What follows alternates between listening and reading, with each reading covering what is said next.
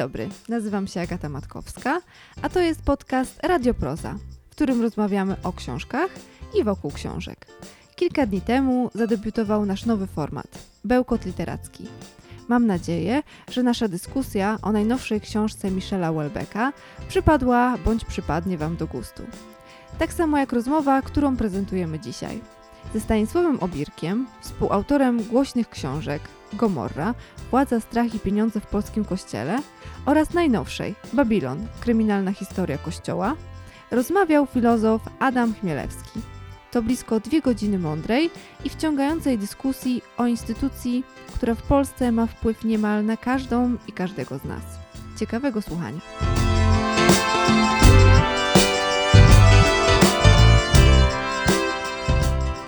Dobry wieczór Państwa. E, Państwu witam serdecznie w Domu Literatury we Wrocławiu na kolejnym spotkaniu poświęconym jednej z e, wielu ważnych książek, które ukazały się w niedawnym okresie. E, Bohaterami dzisiejszego wieczoru są dwaj autorzy. Stanisław Obirek i Artur Nowak. A także ich najnowsza książka, którą tu właśnie mam przed sobą.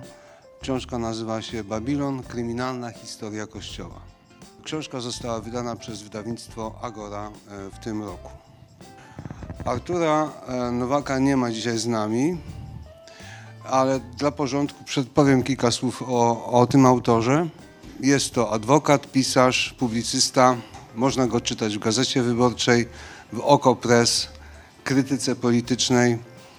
E, Znany jest także z tego, że reprezentował jako adwokat właśnie pokrzywdzonych w postępowaniach dotyczących czynów pedofilskich popełnionych przez e, członków Kościoła. Osobiście gości z nami drugi z autorów, profesor Stanisław Obirek, którego Państwu chyba przedstawiać nie trzeba, ale to zrobię. Jest antropologiem kultury, e, teologiem, historykiem, no i oczywiście publicystą. Obecnie pracuje w Instytucie Ameryki Europy Uniwersytetu Warszawskiego, ale wcześniej wykładał e, w Stanach Zjednoczonych w College'u e, of the Holy Cross w Worcester, na Uniwersytecie Łódzkim i Wyższej Szkole Filozoficzno-Pedagogicznej Ignatianu. Państwo być może pamiętacie Stanis- Stanisława Obirka jako jezuitę. Właściwie tutaj chciałbym wtrącić taką osobistą nutę. Założyliśmy we trzech tajne stowarzyszenie e, filozoficzne, to ziomkowstwo roztoczańskie, w skład którego wchodzi Stanisław Obirek, kolega profesor z Krakowa oraz ja, bo wszyscy się wy, wywodzimy z, z miejscowości położonych na wschodzie Polski, właśnie na pograniczu Roztoczańskiego Parku Narodowego, by tak rzec. Staszek urodził się w Narolu i, i tam rozpoczął swoją e, drogę ku e, święceniom kapłańskim. Został jezuitą w, 2000, w 1983 roku. Ale już po e, 22 latach wystąpił z zakonu. Być może Państwo znacie tę historię, kiedy Staszek udzielił e, wywiadu e, belgijskiemu dziennikowi Le Soir, o ile dobrze pamiętam. E, I to był krytyczny wywiad na temat tego, jaką rolę polskim katolicyzmie, ale także i e, europejskim, czy w ogóle światowym odgrywa Jan Paweł II. Jeden z europosłów usłużnie przetłumaczył szybko ten wywiad i posłał do publikacji. To e, rozpoczęło całą tę, tę drogę, która em, doprowadziła do tego, że Staszek Obirek zrezygnował z członkostwa w zakonie, chociaż pełni w nim ogromnie ważne funkcje, łącznie z byciem rektorem tej, tejże właśnie szkoły, w której wcześniej wykładał.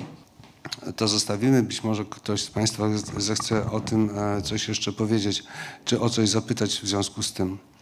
Jest autorem bardzo wielu książek. e, Wspomnę tylko tę, e, która, do której mam szczególnie dużo sympatii. Napisaliście z Zyg- Zygmuntem Baumanem, nieżyjącym naszym wspólnym przyjacielem, książkę Dialog o Bogu i o człowieku. Ale szczególnie ważna teoretycznie dla mnie była e, książka o antropologii słowa Waltera Onga. E, To jest jedna z takich bardzo trudnych prac, e, no i cieszę się, że, że, się, że taka praca ukazała się w Polsce. A poza tym oczywiście cały szereg innych książek, między innymi Wizja Kościoła i Państwa w kazaniach księdza Piotra Skargi, czy Umysł Wyzwolony, czy Uskrzydlony Umysł. To są prace, które e, profesor Robirek napisał. Dzisiaj będziemy mówili o tej książce Babilon, kryminalna historia Kościoła, wydawnictwo Agora, ale ona została poprzedzona przez inną książkę, również napisaną przez e, profesora Obirka i Artura Nowaka, która się nazywała Gomora. A więc to jest kontynuacja owej ważnej działalności publicystycznej, której celem jest ujawnianie problemów, e, z jakimi spotyka się współcześnie człowiek wierzący, ale także sam Kościół. I dzisiejszego wieczora chciałbym sprowokować e, Sta- Staszka Obirka do mm, pewnych ocen, e, do podzielenia się z nami tą bogatą wiedzą, jaką posiadł, śledząc e, najnowsze problemy wewnątrz Kościoła. I e, proponuję przebieg następujący. Najpierw ja zadam cały szereg pytań. Niektóre będą wynikały z moich wspólnych zainteresowań dotyczących tej sprawy, a kiedy Staszek nam odpowie na te moje pytania, to poproszę Państwa o zadawanie pytań. Więc e, rozpocznę od krótkiego wprowadzenia do tych pytań. Wasza pierwsza książka mówi o systemie zepsucia i moralnej degrengolady, e, która zagnieździła się w kościele e, katolickim. Stąd e, tytuł Gomora. Obecna książka Babilon mówi o systemie zorganizowanej opresji i zniewolenia. Bo Babilon to przecież biblijny system, system zniewolenia. Chciałbym, abyś zechciał wstępnie nam opowiedzieć o genezie tej książki, o, o sensie tej waszej pracy. Dziękuję. Bardzo dziękuję za wprowadzenie, y, które trochę nastraja mnie nostalgicznie, bo tu już jestem drugi raz. Przed rokiem byliśmy razem z Arturem, rzeczywiście o Gomorze żeśmy rozmawiali. I to jest y, dla mnie trochę taka nieoczekiwana y, ewolucja, bo przez dwadzieścia parę lat rzeczywiście byłem y, zafascynowany katolicyzmem jego zdolnością do y, adoptowania się do nowych czasów, do nowych wyznań, y, do otwierania się na przykład na nowoczesność, na ludzi inaczej myślących. To jest Sobór Watykański II, w którego świetle trochę się wychowywałem i moja przygoda z jezuitami długoletnia y, związana była z tymi nadziejami, jakie łączyłem właśnie z możliwością y, wejścia tego katolicyzmu otwartego pod strzechy również y, polskich katolików. No to się nie udało. Ten rok y, 2005 rzeczywiście był takim decydującym, takim rozstaniem się z zakonem i z kościołem. E, Ten poseł, o którym Adamie wspomniałeś, do dzisiaj posłuje i jest jednym z trzech posłów, którzy nie zagłosowali nad niefortunną ustawą ministra Czarnka, więc widać, że e, ma jakąś taką e, e, wolę niszczenia polskiego zdrowego rozsądku, ale pomijam nazwiska, bo to nie jest w tej chwili ważne. Co do genezy Babilonu, no, y, we Wrocławiu to dobrze przypomnieć, bo to była inspiracja luterańska, czyli Marcin Luther, który w 1525 roku napisał taką, mm, nie wiem jakiego, y, niestety nie jest to przetłumaczone na, na język polski do tej pory, dziwię się, bo przecież luteranie działają i mam nadzieję, że to zrobią niebawem, o niewoli babilońskiej. To był taki krzyk y, y, gorliwego kapłana, zakonnika, Augustianina, który napisał o papiestwie jako y, siedzibie antychrysta. Kogoś, kto zniewolił Ewangelię, zniewolił naukę, i doktrynę Jezusa i się właściwie no, oburzył, sprzeciwił i napisał o tym, co on myśli o odpustach, co on myśli o kupczeniu, o nepotyzmie i tak. To jest y, pół 500 lat temu się działo.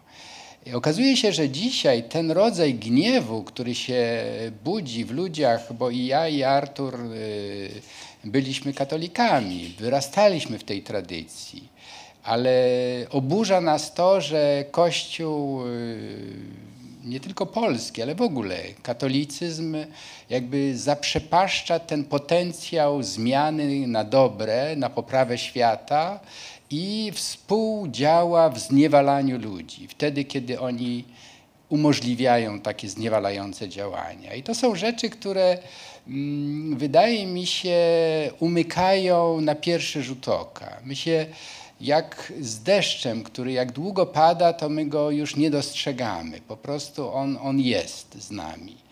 Wszystko jest mokre, ale tak do końca nie wiemy, dlaczego tak jest. I myślę, że te opresyjne działania Kościoła, o których e, niektóre są bardzo drastyczne, ale je celowo opisujemy po to, żeby wstrząsnąć ludźmi i na ten wstrząs liczymy. Tak jak udało się wstrząsnąć e, Marcinowi, Lutrowi i potem ludziom, którzy Dzięki niemu otworzyli oczy i powiedzieli dość, tego nie możemy dłużej cierpieć i, i, i, odeszli z kościoła. Mimo, że nie chcieli tworzyć nowego kościoła, jednak ten nowy kościół powstał. No i to jest trochę taki bunt przeciwko tej istniejącej opresji, jakiej e, świadkami jesteśmy i mm, wystarczy no, otworzyć gazety, zajrzeć do przepastnych zasobów dokumentów, które są dostępne online, również dokumenty kościelne, różnych komisji narodowych, które od lat rejestrują ten katalog nadużyć ludzi Kościoła. I uznaliśmy, że chyba nadszedł czas, żeby to zamknąć właśnie w takiej poręcznej książce jak Babilon, żeby ludzie sami sobie zdanie wyrobili i albo przyznali nam rację, albo się z nami zaczęli spierać. E, jak do tej pory konsekwentnie strona kościelna nas e, lekceważy, pomija, przemilcza. No ale na szczęście są też inni, którzy sięgają po tę książkę. E, czy pomija was także ksiądz Oko? Ksiądz Oko głównie jest zainteresowany swoimi kolegami księżmi. Ostatnio Aha. napisał o nich właśnie książkę Aha. i nawet jeden biskup go pozwał o, o zniesławienie. Także również nas pomija. Rozumiem, czyli coś się dzieje. Mam takie trudne pytanie i, i chciałbym je zadać etapami. Przyznaję, że kiedy czytałem e, waszą książkę Babylon, to czytałem ją z perspektywy tego słynnego heglowskiego powiedzenia, czy też diagnozy dotyczącej e, chrześcijaństwa średniowiecznego, czyli przedluterańskiego. Hegel tam zaproponował pojęcie świadomości nieszczęśliwej. I powiada, że im bardziej Kościół koncentrował się na cielesności jako źródle grzechu, tym bardziej padał ofiarą tejże grzesznej cielesności. Więc z tej perspektywy y, mi się wydawało, że wasza książka jest znakomitą ilustracją tego, co znamy. Przed chwilą mówiłeś o Lutrze, który wskazywał na grzechy 500 lat temu i które okazuje się są popełniane również i dzisiaj. Ale na tym poziomie wyższym, tej diagnozy heglowskiej, ta obsesja z seksualnością wydaje mi się nadal pozostaje taką E, istotną cechą e, doktryny i praktyki Kościoła katolickiego. Czy ja się mylę?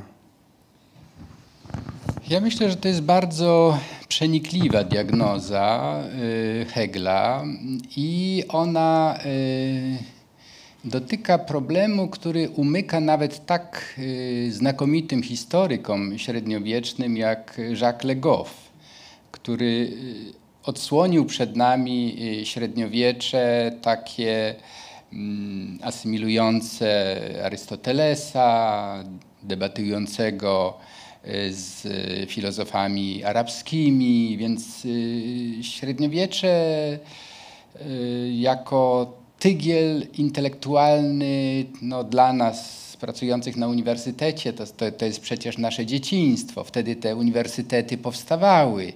Paryż, uniwersytety włoskie. Więc ja byłem zafascynowany y, y, średniowieczem i jestem. Natomiast Twoje pytanie y, wydaje mi się sięga trochę głębiej i tutaj bym mm, odpowiedział trochę zaskakująco myślę, ale ostatnio jakoś mi się to narzuciło. Mianowicie dramat Heloizy i Abelarda, jednego z najostrzejszych umysłów średniowiecznych, który no, uczył prywatnie Heloizę, zakochali się w sobie. To jest jeden z najwspanialszych romansów, jakie możemy sobie wyobrazić, zresztą utrwalony w listach e, nauczyciela do uczennicy i potem przyjaciółki i kochanki. I gdyby nie ta obsesja e, cielesno, na, na, na ciele, to myślę, ten romans mógłby być przykładem y, no, takiej szczęśliwej miłości, y, która prowadzi do no, pełnego rozkwitu osobowości. Tak? Y, tymczasem właśnie ta obsesja sprawiła, że po pierwsze, no, ta miłość zakazana była, więc została szybko napiętnowana. Biedny Abelard został przez braci wykastrowany dość brutalnie. No i te, z tej miłości nic nie wyszło, tak? E, siostrę e, czy córkę zamknęli w klasztorze, no a Abelard się tułał nieszczęśliwy do końca życia. I to jest tylko taki przykład, może najbardziej spektakularny, ale pokazuje, że właśnie ten potencjał, jaki jest w naturze, ten dobry potencjał właśnie w seksualności, w erotyce, który nawet przez Biblię jest wychwalany w księdze, w pieśni nad pieśniami, właśnie średniowiecze go zohydziło. Średniowiecze w sensie katolicyzmu, w sensie klasztorów, które zamykali ludzi, mężczyzn i kobiety, y, odcinając ich od, od tych właśnie największych y, żywotnych, życiodajnych soków, jak, jakimi jest erotyka. No i to doprowadziło rzeczywiście do takiego mm, kompulsywnego zainteresowania y, seksualnością, zohydzania kobiet, I tym dziedzictwem właściwie chrześcijaństwo żyje do dzisiaj. I ja myślę, że Hegel miał e, po stokroć rację, mówiąc, że była to, był to wyraz świadomości nieszczęśliwej, która nie zdawała sobie sprawy z własnego nieszczęścia i źródeł tego nieszczęścia. E, no właśnie. Piszecie kilkakrotnie o paradoksie, który mm, da się wskazać jako rzecz oczywistą E, w praktyce i w teorii e, współczesnego Kościoła katolickiego. Z jednej strony potępianie homoseksualizmu, tak zwanej ideologii gender. E, to sięga oczywiście szczytów, bo pytania o, o, o tę kwestię są także adresowane do papieża Franciszka, który nie odpowiada na nie jednoznacznie. A zarazem, jak piszecie w tej książce, jak pisaliście w poprzedniej książce, jak dowiadujemy się chociażby z dzisiejszej prasy. E, Kościół jest siedliskiem e, homoseksualizmu. E, wskazujecie na ten paradoks i ja myślę, że, że być może ta diagnoza Hegla jest sposobem, narzędziem na rozwikłanie tego paradoksu, uznanie go za coś konstytutywnego dla, dla Kościoła. No o tyle myślę temat wart y, y, drążenia, bo y, mówiliśmy o średniowieczu, ale przecież początki chrześcijaństwa. My dzisiaj jesteśmy tak przyzwyczajeni, że myślimy no początki chrześcijaństwa, no oczywiście Nowy Testament, cztery Ewangelie, listy Pawłowe. Natomiast ostatnie dziesięciolecia, i to nie tylko o Qumran chodzi, chodzi o różne odkrycia ksiąg, które po 13, 15 stuleciach zostały po raz pierwszy znalezione. Myślę o takich Ewangeliach jak Ewangelia Marii Magdaleny, Tomasza.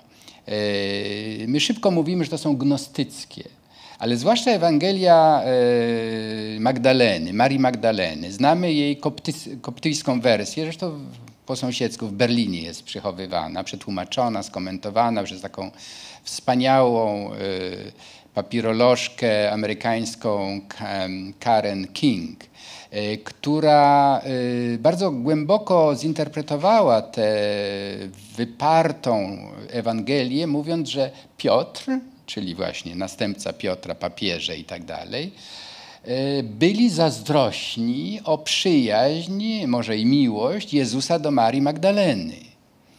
I tu nie chodzi o to, żeby od razu spekulować, czy to była miłość erotyczna, czy nie. Chodzi o to, że z tej Ewangelii jednoznacznie wynika, że Piotr był zazdrosny o względy szczególne, jakimi darzył Jezus y, Marię Magdalenę. Y, to doprowadziło w tej narracji oficjalnej do tego, że Maria Magdalena jest utożsamiana z kobietą y, lekkich obyczajów. Upadłą. Upadłą, właśnie, grzeszną. Tymczasem to była prawdopodobnie jedna z najzdolniejszych uczennic Jezusa. E, nawet w tych oficjalnych, a więc już poddanych cenzurze e, kanonicznych tekstach, ona jest tą, której Jezus się ukazuje jako pierwszej. Więc e, wracając do, do, do, do, zasadniczej sprawy, to wyparcie nie tylko seksualności, ale również zmarginalizowanie kobiet, pozbawienie ich praw do y, na przykład święceń kapłańskich, diakonatu. Chociaż w kościele pierwotnym, i to z listów Pawła też wiemy, pełniły bardzo ważną funkcję.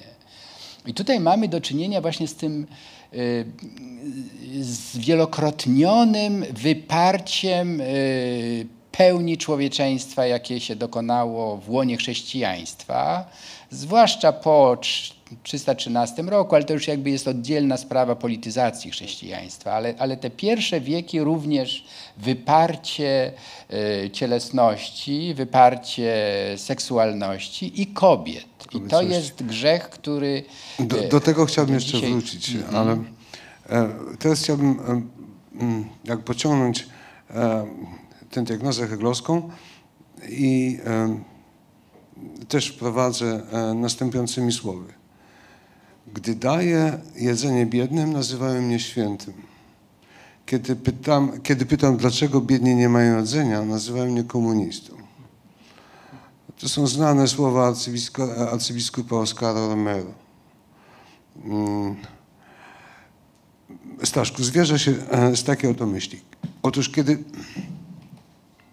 na tron papieski został wybrany e, Franciszek, miałem nadzieję, że ta opcja, powiedziałbym, e, paulińsko-benedyktyńska zostanie wyparta nową opcją, romeriańsko-franciszkańską.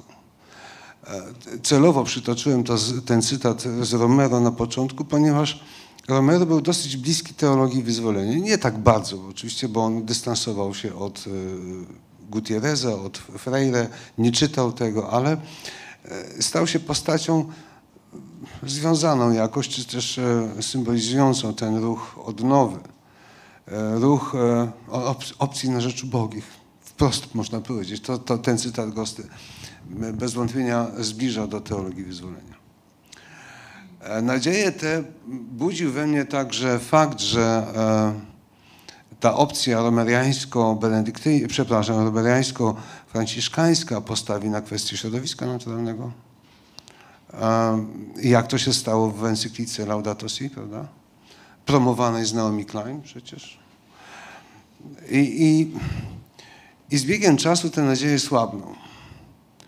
E, chodzi oczywiście o, o rolę z jednej strony Jana Pawła II e, i jego, jego koncentrację na kwestiach seksualności, która nadal jest kultywowana w Kościele Polskim, a z drugiej strony otwarcie na nowe obszary, na kwestię społeczną, czy na te opcje na rzecz ubogich, jak wspomniałem, czy na kwestię środowiska naturalnego, które wstępnie zasygnalizował Franciszek.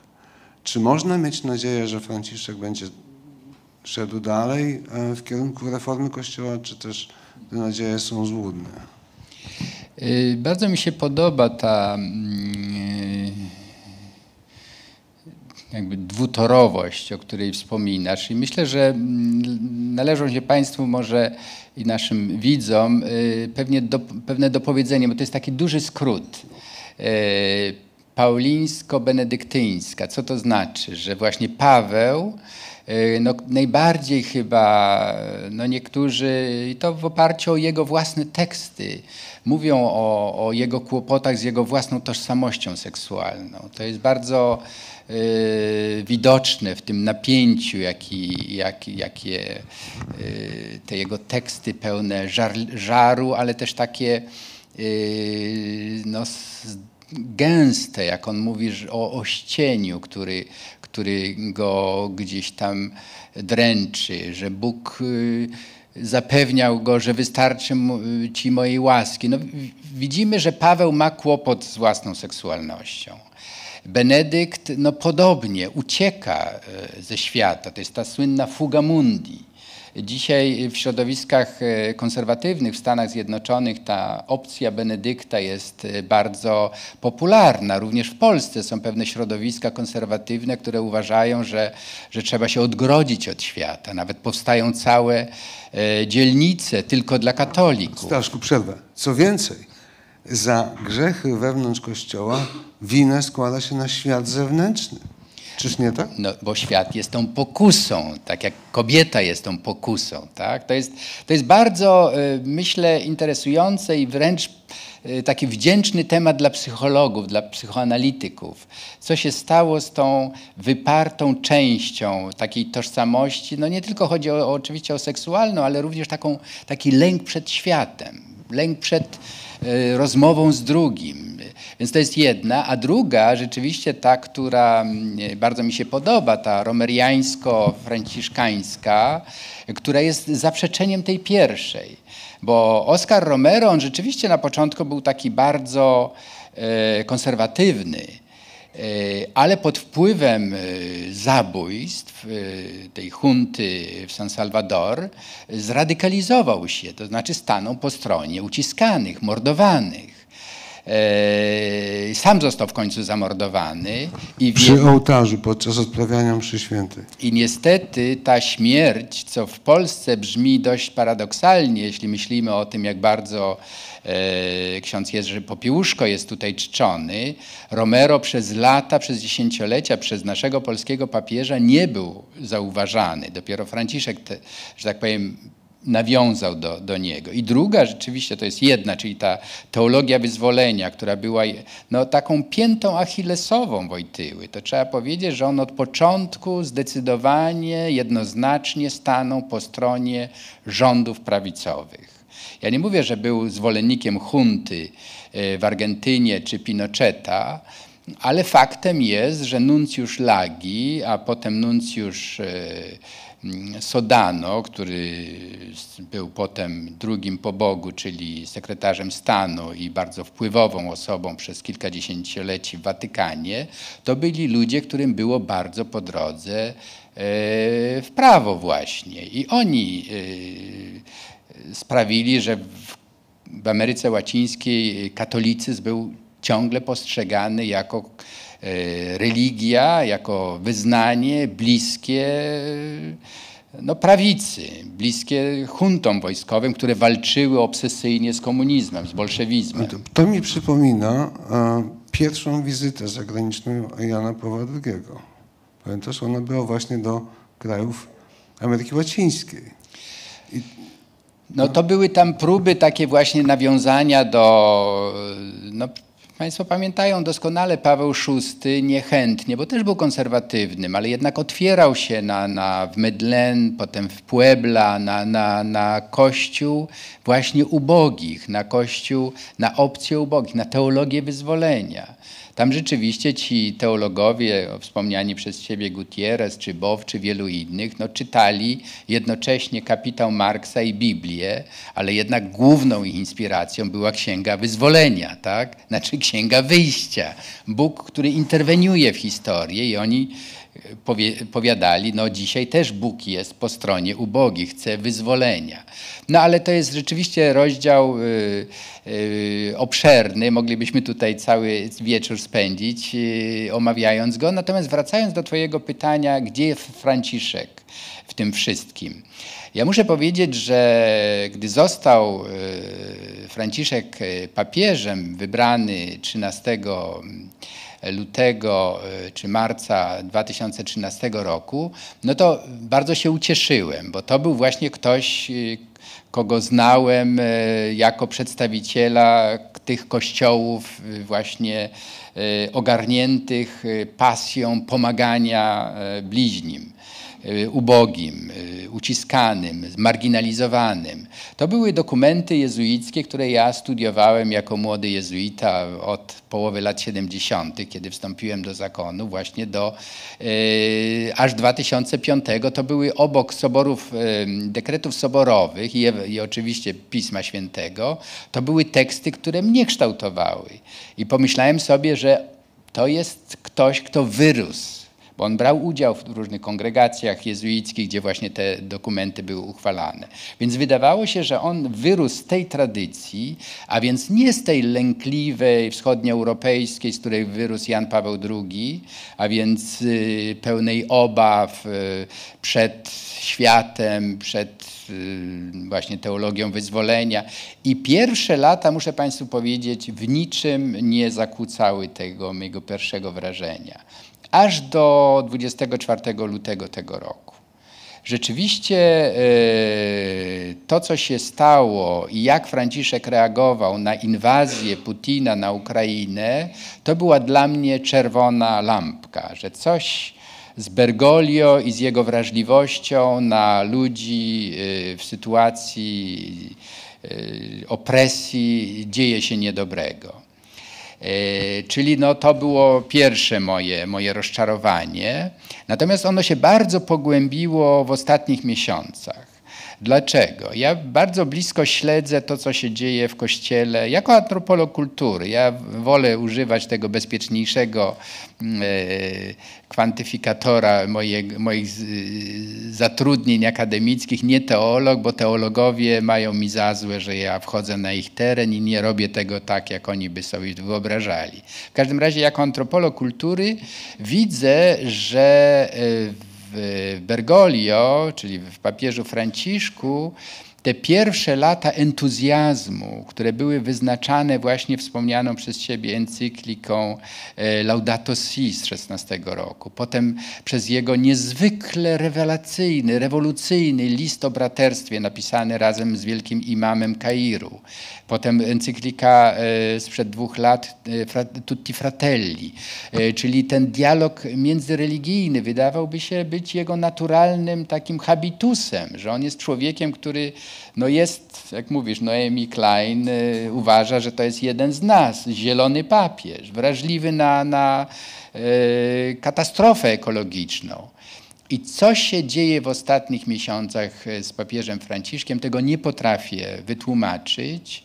Natomiast sądzę, że wygrywa w nim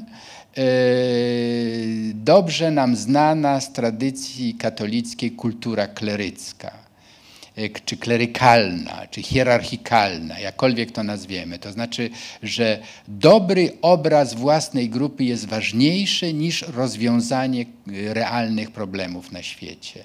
I ja w tym upatruję to rozczarowanie, które chyba towarzyszy nam obu, jak, go, y, jak mu się przyglądamy i jak on reaguje. To znaczy to, że nie, nie wyszedł nawet do biskupów niemieckich na zakończenie wizyty ad limina, żeby nie konfrontować ich realnych, ważnych postulatów, które wyszły od świeckich katolików, a więc zniesienie celibatu, przyznanie większej podmiotowej roli kobiecie, łącznie ze święceniami kapłańskimi, zmiana tej obsesyjnej e, doktryny na punkcie seksualności. To musi się zmienić. E, Franciszek niby to podziela, niby zachęca, dyskutujcie. Parezja to jest klucz do jego, czyli mówienie otwarcie, to co myślicie. Mm, rozpoczął ten proces, ale w tej chwili wyraźnie włączył jakby wsteczny i, i jest hamulcowym zmian, które zachodzą, niezależnie od niego, myślę. No, właśnie, parezja, czyli e, nakaz bezwzględnej, e, mówienia, bezwzględnego mówienia prawdy. No ale czyż to nie jest tak, że, że ty, kiedy usiłowałeś powiedzieć prawdę, to nie oberwałeś za to? No tak. No, nie, nie, nie, nie ciągnijmy tego, bo to... E, mówiliśmy już o kobietach. Kobiety odgrywają w Kościele katolickim e, wstępnie w, e, w, w Nowym Testamencie no, istotną rolę. E, Matka Jezusa, Najświętsza Maria Panna, cieszy się ogromnym kultem. Sam byłem w domu Najświętszej Marii Panny, który niedaleko Izmiru jest, przepraszam, w Efezu, tak. Zresztą fajna wizyta, zachęcam. E, wspomniałeś o Marii Magdalenie. Jest cały szereg innych kobiet, e, które można by wymienić jako ważkie e, postacie w katolicyzmie. A zarazem mamy do czynienia z praktyką polityczną Kościoła, taką, która przybrała nieprawdopodobnie nie wiem, przerażającą postać w Irlandii na przykład, ale nie tylko tam. Chodzi mi o, o, o, o ową instytucję Magdalenek, o których piszecie w Irlandii. Powiedz kilka słów e, na ten temat. Y, bardzo Ci dziękuję za to pytanie, bo muszę Państwu powiedzieć, że od kilku lat, y, nie tylko ze względów rodzinnych, mój, mój brat y, ożenił się z Irlandką i mieszkają w Dublinie od 20 lat.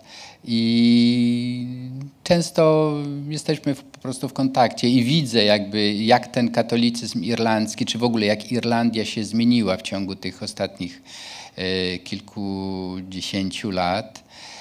I jak Irlandia jako społeczeństwo zmaga się z dziedzictwem nie tylko Kościoła katolickiego, proszę Państwa, ale z dziedzictwem przemilczania ciemnych stron y, własnej przeszłości. Oni nie mają tego problemu, jaki my mamy, to znaczy nie mają, czy jak mają Niemcy, inny problem. Myślę tutaj o dziedzictwie dwóch totalitaryzmów. Tak? Niemcy zwłaszcza mają y, dwa w jednym, to znaczy mają i nazizm, y, i to ładne powiedzenie niemieckie, przepracowanie przeszłości. E, ale była DDR, to jest również dziedzictwo komunistyczne i, i, i wzajemne pilnowanie się, donoszenie na siebie i tak dalej. My w Polsce mamy y, no przede wszystkim to komunistyczne dziedzictwo i to donoszenie na siebie, tak? E, no i, i kilometry akt, które IPN zgromadził, przetrzebione, ale jednak one ciągle są tym jakby dziedzictwem niechcianym. E, natomiast w Irlandii bez tych dwóch systemów powstało coś, co e, chyba rzadko o tym myślimy, czy zdajemy sobie z tego sprawę, a co analizują zwłaszcza młodsi e, Irlandczycy, to znaczy ci urodzeni w latach 80., już nie pamiętający tego gorsetu religijno-politycznego, bo tam doszło do takiego sprzężenia, które my znamy od siedmiu lat w Polsce, ale tam to trwało od e, momentu niepodległości, czyli od 20 lat do no, przez 80 lat. Y, I u, y, znakomita książka, mam nadzieję, że się ukaże również po polsku, takiego dziennikarza 40-paroletniego, który od 20 lat mieszka w Berlinie, jest korespondentem Irish Time. E, I, I, może dlatego taką książkę napisał, że od 20 lat mieszka poza Irlandią. Mianowicie e, tytuł tej książki to jest e, The Best Catholics in the World czyli najlepsi katolicy na świecie. I on się tam rozprawia właśnie z tym mitem Irlandczyka katolika. I w pewnym momencie ja muszę powiedzieć, że mnie fascynuje to. Oni mieli takiego kardynała Kulena, który był takim Wojtyłą irlandzkim w połowie XIX e, wieku. I jak mówi Derek Skali, to, czego nie udało się kijem zrobić e, Brytyjczykom, to Kulenowi udało się zrobić marchewką. To znaczy całkowicie zniewolić społeczeństwo irlandzkie. Zniewolić i oni to zinterioryzowali, to zniewolenie tak głęboko, że mimo e, czterech komisji, y, które dokładnie zbadały przestępstwa pedofilskie kleru, które szły w tysiące i raportów mówiących o właśnie Magdalenkach, to jest też paradoks, mówiliśmy o Marii Magdalenie i o tym niechcianym dziedzictwie w, chrześcijaństwie, że to były domy, proszę Państwa, 10 tysięcy kobiet było utrzymywanych jak niewolnice. Od niektóre jeszcze żyją, najmłodsza ma 40 lat, które były tylko dlatego, że y, jako panny zaszły w ciążę, często gwałcone przez najbliższych y, członków rodziny albo przez księży, były dosłownie zamykane w pralniach, dzieci były im odbierane, nigdy nie mogły z tymi dziećmi się kontaktować, a one same żyły jak niewolnice, piorąc od rana do wieczora. Jest na ten temat film, są książki e, i myśmy tylko mały wycinek tego horroru, jakie te kobiety przeżywały, odnotowali e, w Babilonie. Ale to jest coś, i właśnie te badania i socjologów, i historyków, i dziennikarzy pokazują, że to nie jest zniewolenie przez Kościół. To jest zniewolenie społeczeństwa przez ten uznany za swój system kontroli, mówiąc językiem e, Michela Foucault, e, nadzorować i karać. I nie tylko księża, ale ojcowie, bracia.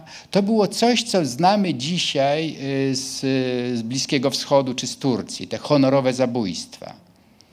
Że siostra zadaje się z kimś, kto nie jest wystarczająco religijny. I, i, ją, i ją się morduje. Często to bracia robią. Więc proszę Państwa, to jest coś takiego. Taki horror się dział do niedawna.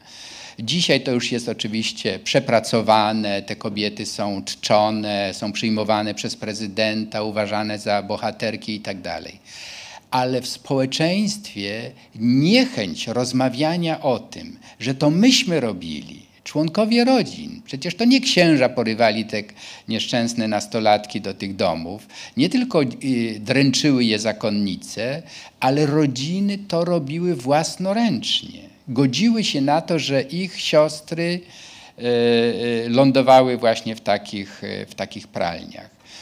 I jakie, jak, poza tym, że miały nieszczęście zajść w ciążę, często właśnie gwałcone albo oddawały się jakimś flirtom, no coś, co się zdarza, tak? To były, one były stygmatyzowane, nie gwałciciele, nie ci, którzy stworzyli im piekło na ziemi, ale właśnie one, jako kobiety.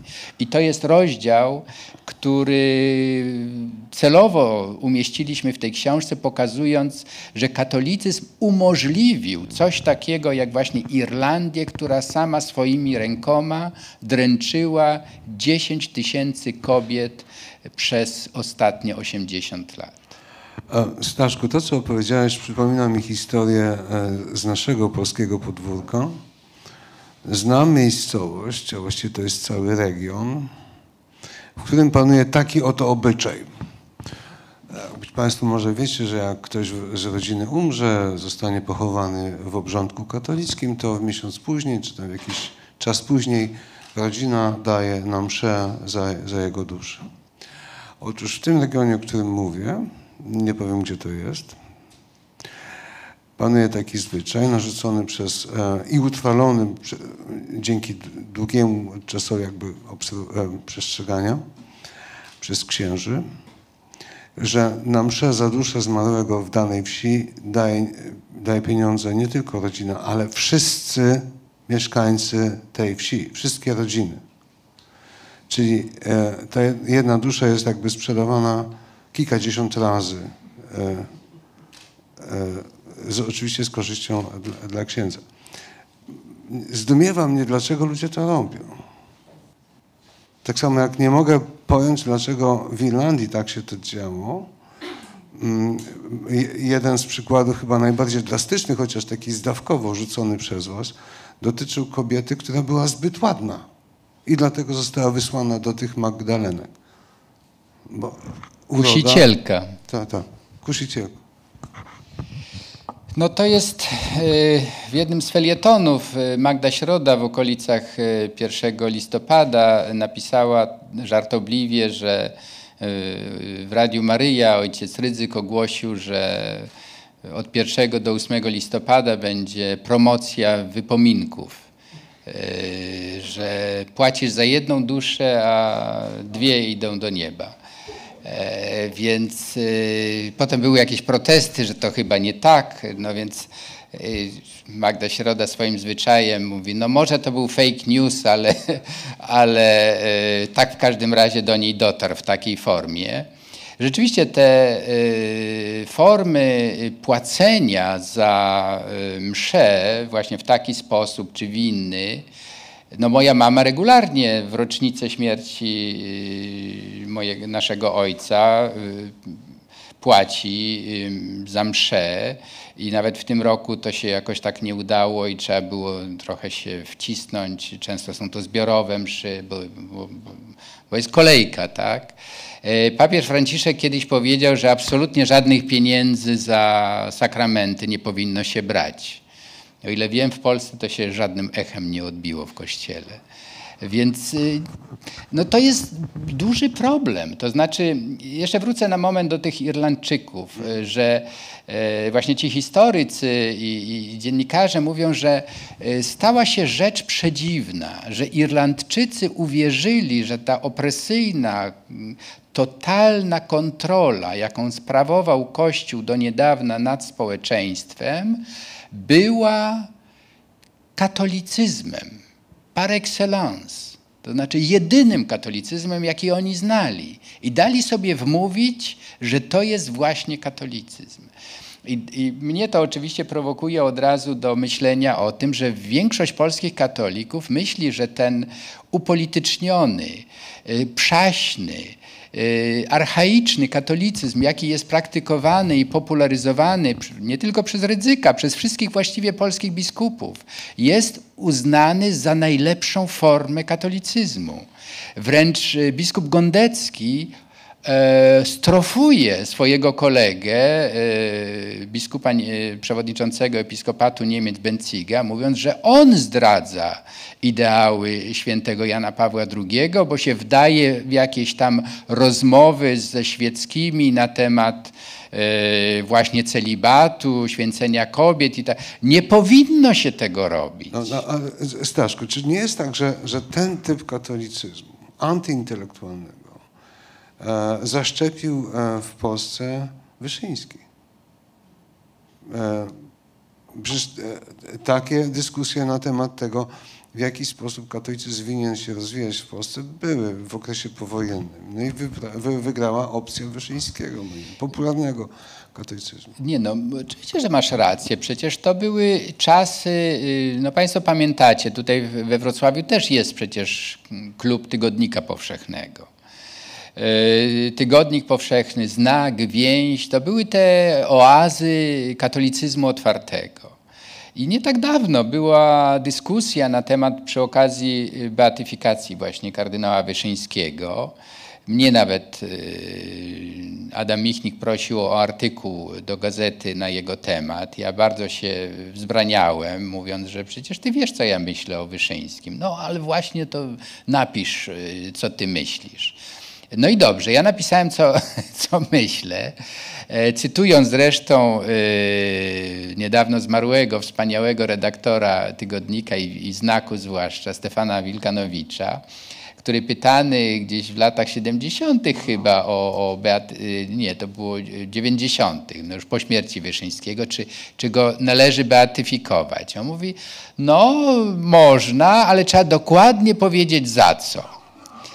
E, więc e, ja myślę, że, że. Ale to były straszne dyskusje właśnie w tym środowisku. Stanisława Grabska obok e, Haliny Bortnowskiej, jedna z nielicznych kobiet katoliczek wykształconych teologicznie, opowiadała, i to jest opublicznione, napisane, że jak w dyskusji z Wyszyńskim mówiła, że z tą pobożnością maryjną to on może trochę przesadza, no to on ją usadził, mówi, że jak ktoś będzie przeciw, to on wskaże mu jego miejsce. Więc to nie było tylko tak, że on popularyzował y, tę y, religijność ludową.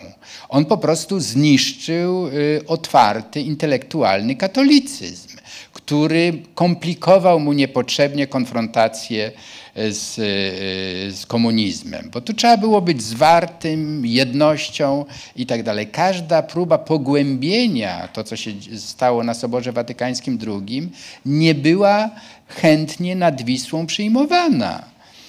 Także do, tak do, do tej polskiej specyfiki chciałbym jeszcze wrócić za, za momencik, ale teraz chciałbym poruszyć kwestię globalną. I nawiązując do wspomnianej przez Was słynnej debaty Valladolid e, w Hiszpanii w XVI wieku, kiedy dostojnicy Kościoła debatowali nad tym, czy tak zwani Indianie, ten lud czarny, który, który, który był spotykany przez konkwistadorów i e, misjonarzy w Ameryce Południowej zwłaszcza, czy ten lud ma duszę, czy, czy oni się, Państwo znacie ten wątek być może z filmu Misja, prawda? E, jest taki filozof Bruno Latour, który e, dosyć złośliwie przypomniał, że w tym czasie, kiedy w Valladolid debatowano nad tym, czy Indianie mają duszę, E, owi Indianie, pochwyciwszy niektórych konkwistadorów, debatowali nad tym, czy oni mają ciała. I sprawdzali to poprzez topienie ich w wodzie. Jak, jak wypłynęli, to znaczy, to znaczy, że nie ma, no, mniej, mniejsza o to. Um, to. To jest filozoficzny żart, ale też taki um, z głębszym podkładem. I chciałbym jednak um, zapytać o to, o tę ekspansję katolicyzmu na inne regiony, która jest współbieżna z procesem kolonizacji e, kilku kontynentów afrykańskiego, Ameryki Łacińskiej, Ameryki Południowej, e, także Australii, e, Azji Wschodniej. Co tu ukrywać? Europa, kraje europejskie, kraje kolonialne dokonywały tam zbiorowego ludobójstwa. Przypomina, przypomina mi się przykład Belgii właśnie. Belgia była, król Belgii, e, Leopold, nie, przepraszam, e, zapomniałem imienia, był osobisty, jakby właścicielem Konga, tak? Tam e, zamordowano w dosyć krótkim czasie ponad 7 milionów do 10 milionów mieszkańców. Piszecie w Babilonie o tym specyficznym systemie, jaki zapanował w Kanadzie i panował tam przez kilkadziesiąt lat i, i, też uległ, zakończył się całkiem niedawno, mniej więcej tak jak Magdalenki w Irlandii. Badania nad tym, co się wtedy działo, zostały sprowokowane odkryciem dziesiątków e, tysięcy ciał e, przy szkołach e, ustanawianych przez Kościół w Kanadzie. Opowiedz coś nieco na ten temat. No, westchnąłem, bo to jest jeden z najtrudniejszych tematów. Yy, najtrudniejszych i najtragiczniejszych chyba w historii chrześcijaństwa, bardzo rzadko podejmowanych. Yy, myśmy uznali, że on powinien się znaleźć. Takim pretekstem była wizyta Franciszka w Kanadzie, który został przez prezydenta Trudeau zresztą wielokrotnie zapraszany był do Kanady, żeby stanął wobec e, tej tragedii, z jaką on jako prezydent ma do czynienia od kilku lat. Mianowicie te właśnie rewelacje o szkołach rezydencjalnych. No to takie szkoły z internatem, można powiedzieć. Ja zresztą byłem w szkole z internatem. No ale nasze szkoły komunistyczne z internatem to nie były takie piekła, jakie stworzyli misjonarze ludności tubylczej e, w Kanadzie. Proszę Państwa, to jest y, coś, co mm, myślę jest y, kartą wiarygodności chrześcijaństwa. Jeżeli chrześcijanie tak chętnie robią rachunek sumienia komunistom, nazistom, wyliczają obozy śmierci, obozy koncentracyjne, eksterminację księży, zakonnic, biskupów, to są oczywiście ważne rachunki sumienia i nie lekceważę ich. Ale pytanie jest, dlaczego w 1992 roku Jan Paweł II, zachęcany, już nie mówię wzywany, ale zachęcany przez teologów wyzwolenia między innymi do tego, żeby zrobił taki rachunek sumienia wobec tego, co chrześcijaństwo zrobiło w obu Amerykach, tego nie zrobił. Mówił owszem dużo o odkryciu Ameryk, o tym, jak wspaniałe przesłanie Jezusa Chrystusa zostało tam zaniesione. Natomiast nie mówiło się o milionach ofiar tego e, ewangelizacyjnego dzieła. Ten film, misja, rzeczywiście oparty na faktach, na misjach guarańskich jezuitów, jest taką historią. Yy, E, zromantyzowaną trochę, że jezuici oto właśnie tych, mm, tę ludność tubylczą traktowali właśnie z miłosierdziem, traktowali właśnie tak paternalistycznie, ich kontrolowali ich życie, ale przynajmniej ich nie zabijali. To już było dużo. Conquistadores po prostu nie mieli żadnych y, zahamowań, bo właśnie teologowie debatowali, czy mają duszę, ale nim teologowie doszli do wniosku, że być może mają, no to mentalność właśnie y, hiszpańskich zdobywców była taka, że tak naprawdę Bóg nie bardzo się tym interesuje. Natomiast interesowali się królowie i papież złotem peruwiańskim i, i, i w ogóle latynoskim. Więc tu jest Oczywiście można by o tych szkołach głównie mówić, o tym, jak bardzo e, ci misjonarze dbali o to, żeby dzieci, które były porywane po prostu z rodzin, z tych e, szczepów czy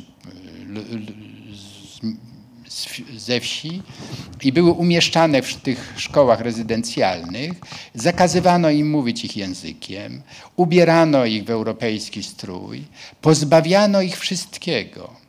To się ładnie nazywa anihilacją antropologiczną i religijną. To znaczy zniszczenie całkowicie ich dziedzictwa kulturowego i religijnego, bo trzeba było właśnie ich oświecić w duchu Ewangelii, w duchu Jezusa Chrystusa, żeby oni, ci biedni poganie, żeby wreszcie ujrzeli światło wiary prawdziwej.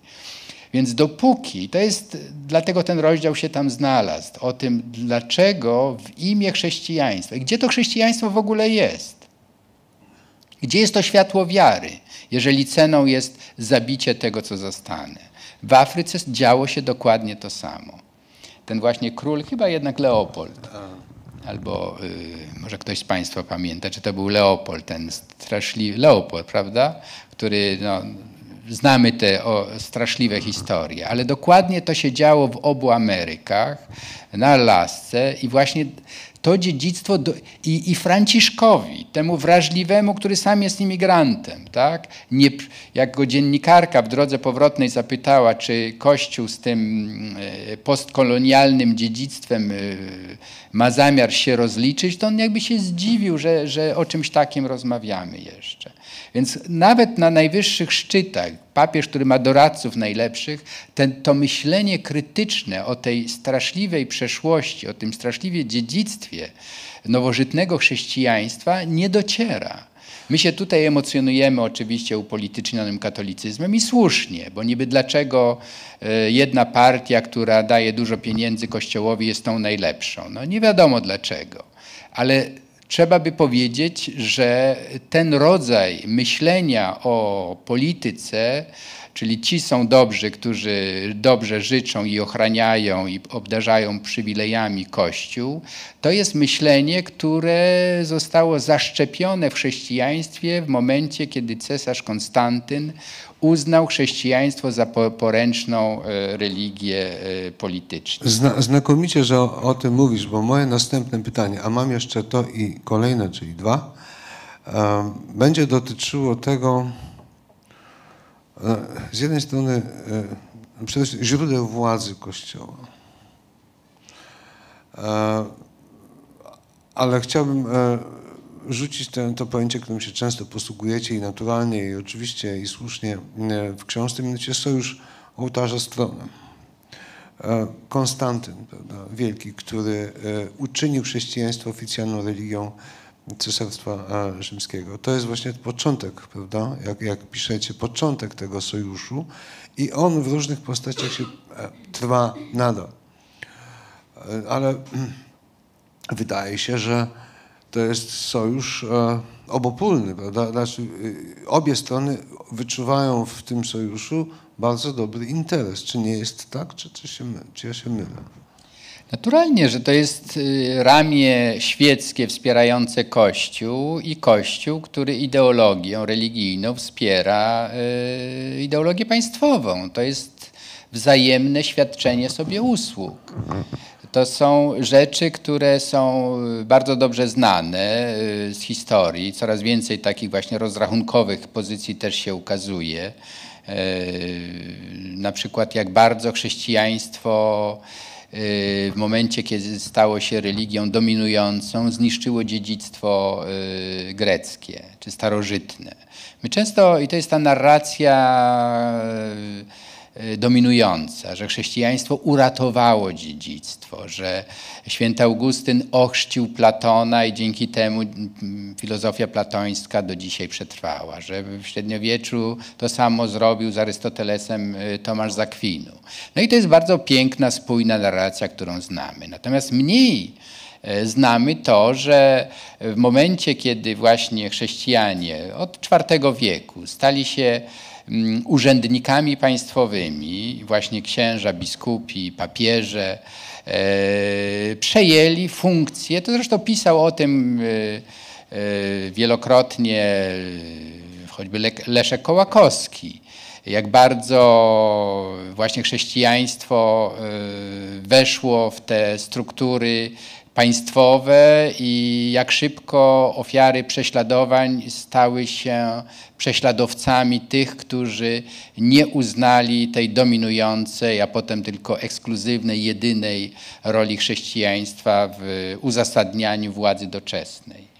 Więc to jest y, ten proces takiego y, takiej transformacji, y, bardzo szybkiej. To pisał o tym na przykład Cywiński też. On mówił o, o takim kościele postjuliańskim. To jest mało znane pojęcie, ale e, to jest niezwykłe. Jak ja to pierwszy raz przeczytałem e, u Cywińskiego, to mi się tak oczy otworzyły. Zresztą e, o co chodzi? Że Julian Apostata, jak Państwo pamiętacie może, tylko dwa lata rządził. E, od 361 do 63, bo zginął po prostu w jakiejś bitwie. Ale przez te dwa lata chciał pozbawić Kościół przywilejów. Czyli mamy 50 lat po edykcie mediolańskim, Kościół e, znakomicie już wrósł jako administracja dominująca, zdobył monopol na edukację, powoli zaczął rugować e, akademie filozoficzne. Tylko ci, co uczyli doktryny chrześcijańskiej, mieli prawo istnieć, dostawali pieniądze i tak dalej. Tylko te dwa możliwość utraty przywilejów, no bo potem przyszedł już następny cesarz, który był porządnym chrześcijaninem, to wspomnienie możliwości utraty przywilejów sprawiło, że Julian Apostata jest jednym z najbardziej zohydzonych e, cesarzy rzymskich, mimo że był wspaniałym filozofem, stoikiem, jak Marek Aureliusz nie miał nic wspólnego z jakimś moralnym monstrum, jakim był e, przedstawiany. I to pokazuje ten syndrom właśnie, że ten, kto próbuje uszczuplić nasze e, przywileje, jest naszym największym wrogiem. I to jest coś, co się stało z chrześcijaństwem. To znaczy, że chrześcijaństwo, ja nie mówię tylko o katolicyzmie, to samo się dzieje w Niemczech. Dobrym przykładem jest dobrze nam znany y, Horst Hermann, autor wielu książek, który został wyrzucony z kapłaństwa czy z kościoła w połowie lat 70., bo kwestionował Kirchensteuer. To biskupi nie mogli mu tego podarować. Jak można zrezygnować z podatku kościelnego, tak? No i Horst potem napisał kilkanaście książek o tym, jak, jak właśnie rządza pieniądza i przywilejów kieruje Kościołem. Więc to jest rzeczywiście coś, co no, wymaga takiego spokojnego namysłu nad tym, co się stało z chrześcijaństwem w momencie, kiedy uzyskało prawa polityczne i ekonomiczne. Do, do kwestii e, roli Niemców w chrześcijaństwie jeszcze za chwilę wrócimy, bo od tego właściwie zaczęliśmy od Lutra, ale do tego jeszcze wrócimy.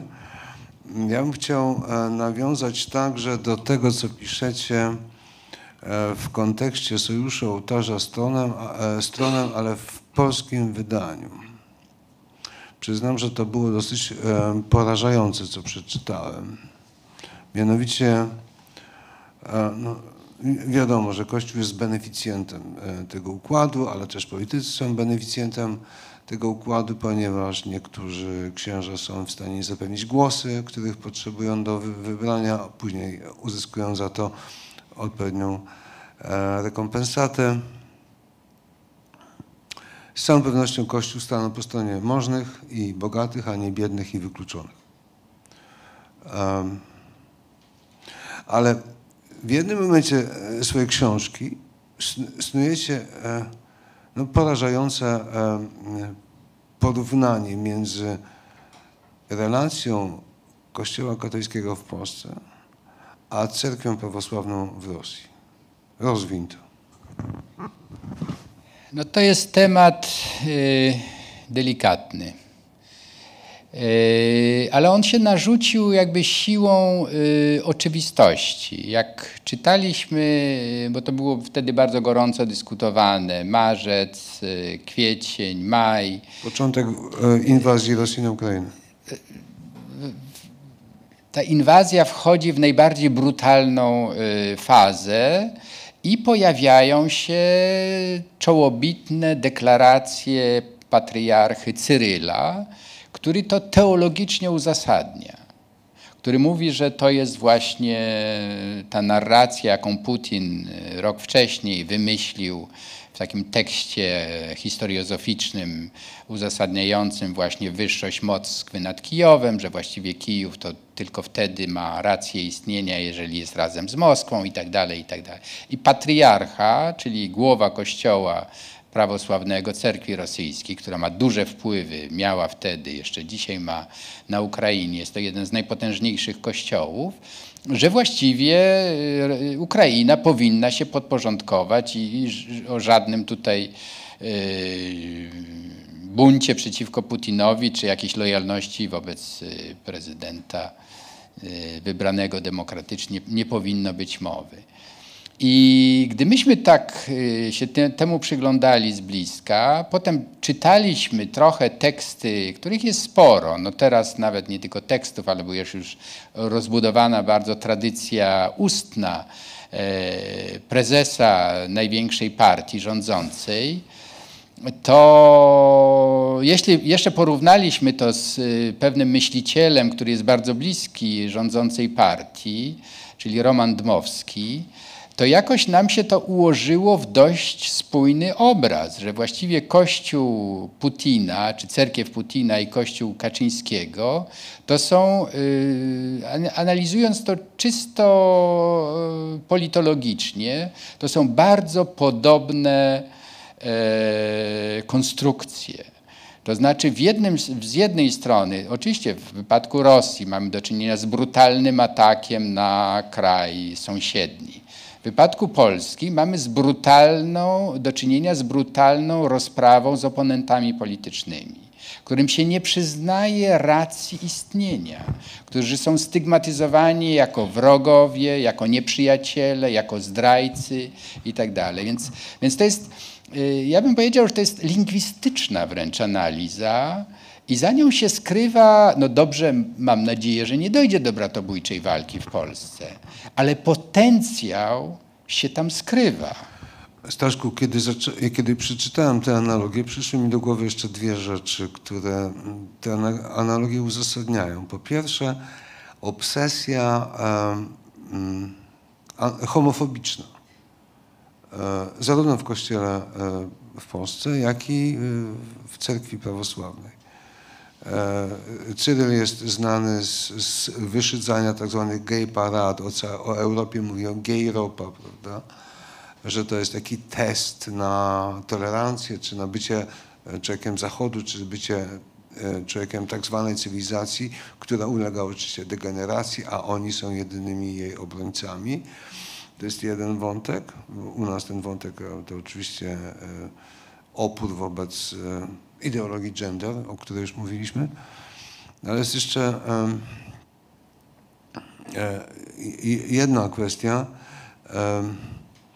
Rosjanie posługują się kategorią agent obcego wpływu. E, mi się zdaje, że, że ustawa o szkolnictwie wyższym, czy zmiana ustawy o szkolnictwie wyższym, jaką proponuje obecny minister, e, w której zakazuje się pewnym e, organizacjom pozarządowym dostępu do klas, do dzieci szkolnych, aby ich uczyć o różnych rzeczach, to trochę też mi smakuje owym przekonaniem, że te organizacje pozarządowe są agentami obcego wpływu, czy takiego niechcianego wpływu. Niechcianego przez, przez tę opcję, którą reprezentuje minister. No to jest niestety y, szerszy problem, nie tylko polski, bo dokładnie te same y, wątki pojawiły się na Węgrzech. Przecież Orban wyrzucił Uniwersytet Środkowoeuropejski tylko dlatego, że był właśnie rozsadnikiem obcych wpływów. To. Orban, który był beneficjentem i który właśnie prosił George'a Sorosza o pieniądze, żeby mógł studiować w Oksfordzie. Ja tam Orbana spotkałem przy okazji właśnie, bo był w tym, ja byłem w tym samym czasie, kiedy Orban studiował. I uzyskał właśnie. No on był tą gwiazdą podziwianą przez tę profesurę oksfordzką, bo był wtedy taki, no, Aktywnym liberałem. Był aktywnym liberałem. To samo obserwujemy w Izraelu. E, Bibi Netanyahu też podejrzliwie patrzy na wszystkich krytykujących jego autorytarne zapędy jako agentów obcych. No, już nie wspomnę o Putinie, bo tam od lat, od 20 lat właściwie się e, ciągle tych obcych wpływów szuka. No i mamy to w Polsce, więc to są takie, mm, takie wątki, Y, które no niestety tak zwane media publiczne bardzo mocno nagłaśniają. Są taką echokamerą, czyli taką zwielokrotnionym y, przesłaniem dnia prezesa. No i to jest duży problem, bo bardzo trudno z tym walczyć, jeżeli się nie ma możliwości weryfikowania tych przesłań dnia. Więc y, pytanie jest, czy uda nam się to y, zweryfikować, bo to, co robi obecny minister edukacji, no obaj podlegamy pan, panu ministrowi, no to to urąga y, zdrowemu rozsądkowi po prostu. Pewne mechanizmy, których się tak cieszyliśmy po zmianie w 1989 roku, czyli większy udział y, samorządu, większy udział rodziców w proces edukacyjny, w tej chwili jest to dokładne odwracanie tego procesu y, edukacyjnego. Mam nadzieję, że to nie obejmie uniwersytetów, bo już się zaczynam bać, czy, czy, czy nam się nie wrócą e, słusznie minione czasy, kiedy właśnie wszystko było zaprogramowane najlepiej, jak to można było sobie wyobrazić, bo o wszystkim decydował pierwszy sekretarz i jego agentury. Więc y, tak, jest jakiś proces, y, mm, y, nazwijmy to tak delikatnie, rezygnacji z, ze sprawdzonych demokratycznych rozwiązań w kierunku uznania najlepszych rozwiązań, jakie władza proponuje społeczeństwu. I to przekłada się na przykład na podręczniki tak. dyskutowane w ostatnich miesiącach, podręczniki profesora Roszkowskiego E, ten jego hit. Y, no, to jest karykatura y, w ogóle wszystkiego, co można sobie wyobrazić, ale on jest na, w urzędach pocztowych, ja bywam czasem, no to to jest jako bestseller, jako e, ależ proszę, naturalnie, razem ze znaczkami oferują po zniżce nam ten hit bo się pewnie słabo sprzedaje bez zniżek. No jest to duży problem, krótko mówiąc, yy, takiego prania mózgu społeczeństwom, które są, no na szczęście w Polsce to nie jest jeszcze całkiem, ale jeśli są pozbawione, jak w Rosji, alternatywnych, albo nie mogą, albo nie chcą korzystać z alternatywnych źródeł informacji, no to po kilkunastu latach rzeczywiście ten satrapa ma poparcie sięgające 80%, mimo że robi wszystko, żeby Rosję zniszczyć. I to jest problem. I boję się, że, że jeżeli ktoś idzie w te ślady putinowskie, no to dokładnie e, społeczeństwa będą niszczone na, tych, na tej samej logice, bo to jest odejście od procesu stawania się sobą. Mówiliśmy na początku o Kościele i chrześcijaństwie, jak rezygnuje właśnie z sił witalnych, jak seksualność, jak rola kobiet i tak dalej, i staje się właśnie taką bezlitosną machiną do kontrolowania i karania. I boję się, że, że jeżeli państwo pójdzie w tym kierunku, to stanie się właśnie taką bezwzględną machiną kontrolującą wszystkich i wszystko. Staszku, czas na ostatnie moje pytanie. Czy e, w Niemczech urodzi się, albo może już się urodził, e, nowy Marcin Luther? Moje pytanie oczywiście dotyczy tak zwanej drogi synodalnej, którą proponują Niemcy, która została jako inicjatywa sformułowana w 2019 roku. Szereg e, postulatów e, formułują e, wierni Kościoła katolickiego w Niemczech. One uzyskują coraz to silniejszą aprobatę w ramach biskupstwa, w ramach hierarchii Kościoła katolickiego w Niemczech, ale zarazem te postulaty napotykają opór ze strony Watykanu. Chodzi o, tę słynną drogę synodalną.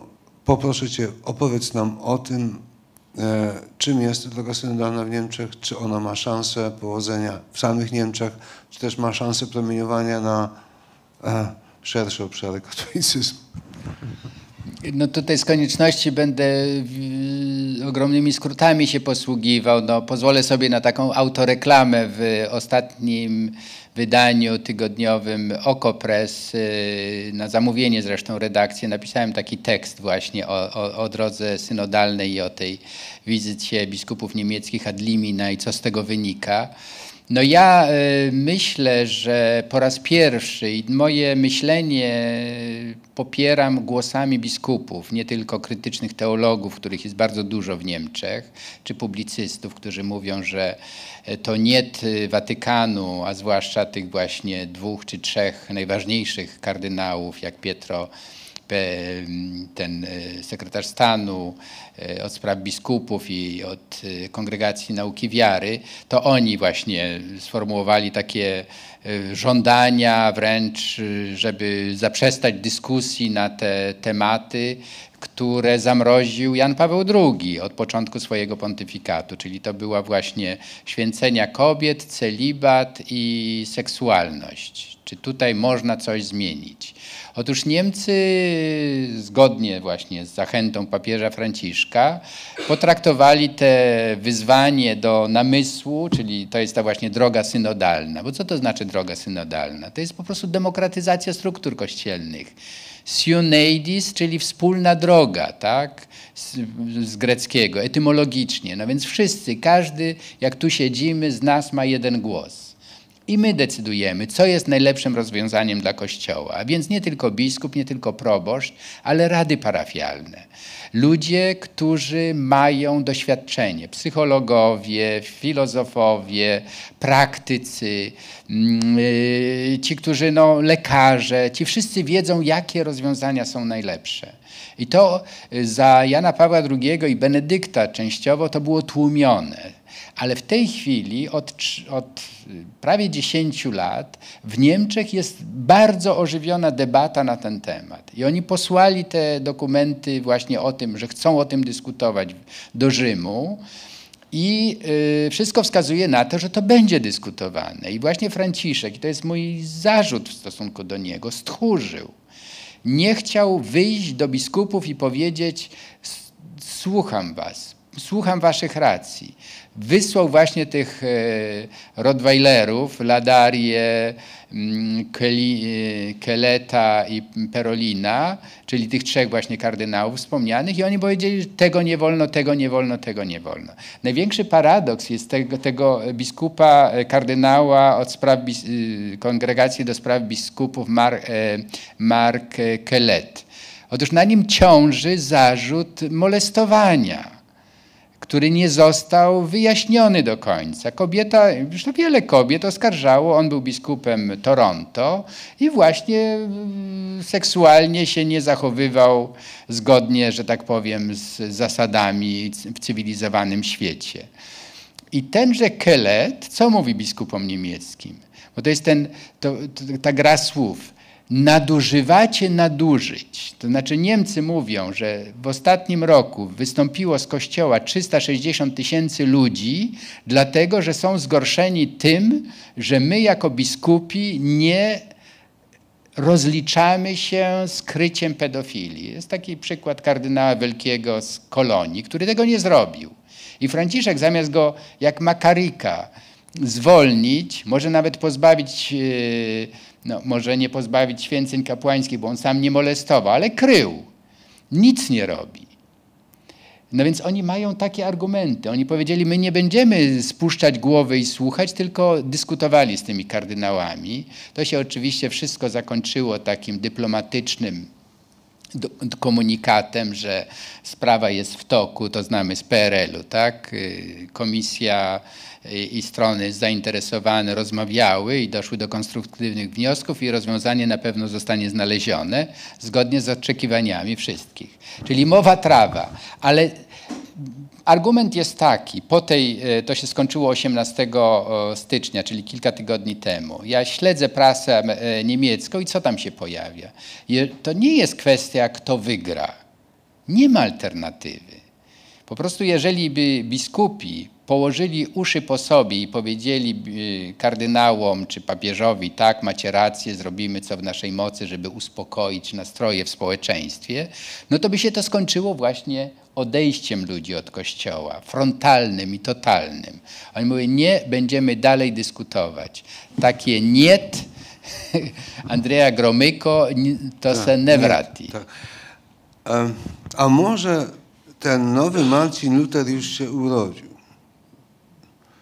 Chodzi mi o, o, wybitnego teologa Künga. E, wspominam o nim dlatego, że to jest człowiek, który e, bardzo zaangażował się w reformę Kościoła w duchu e, mm, no, drugiego Watykanum, Watykanum II. Nie spodobało się to osobiście Janowi Pawłowi II. Został obłożony zakazem nauczania, wykładania teologii. Mimo to nie zrezygnował z Kościoła.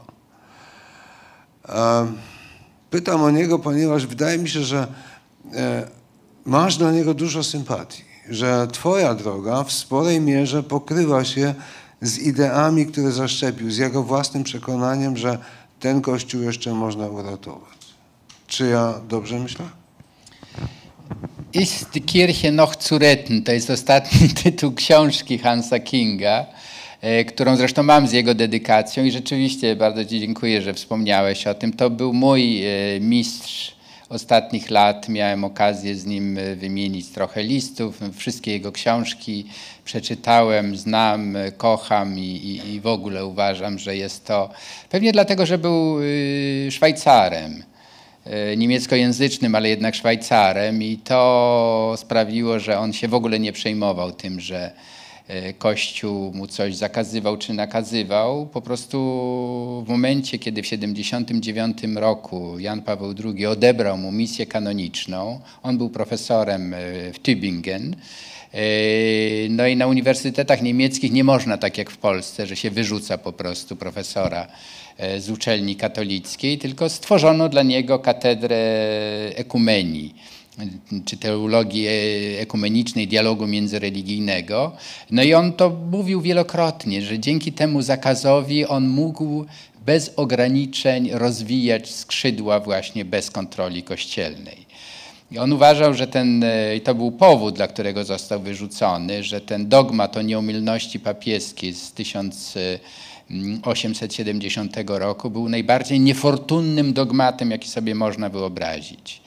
U progu nowożytności mamy narzucony yy, administracyjnie najwyższy autorytet.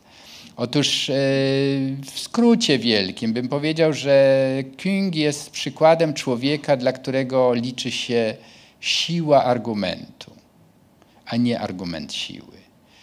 On y, był przekonany, że rozmowa czterogodzinna z jego kolegą y, Józefem Ratzingerem y, w piątym, to był wrzesień 2005 roku, Benedykt XVI zaprosił go na taką właśnie przyjacielską rozmowę.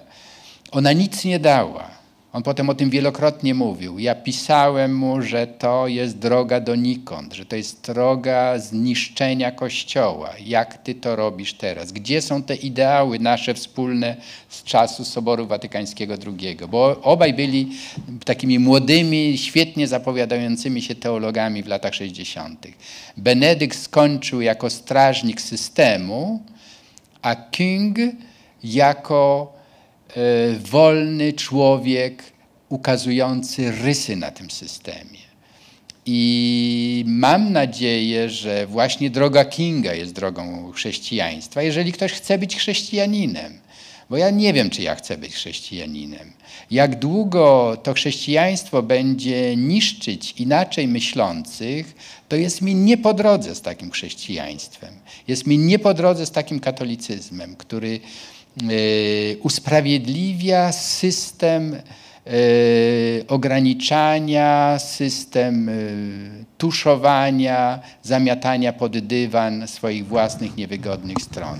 Dlatego Hans King był znienawidzony przez Jana Pawła II i przez system, który Jan Paweł II tak konsekwentnie odbudowywał, niszcząc dziedzictwo Watykanum Secundum.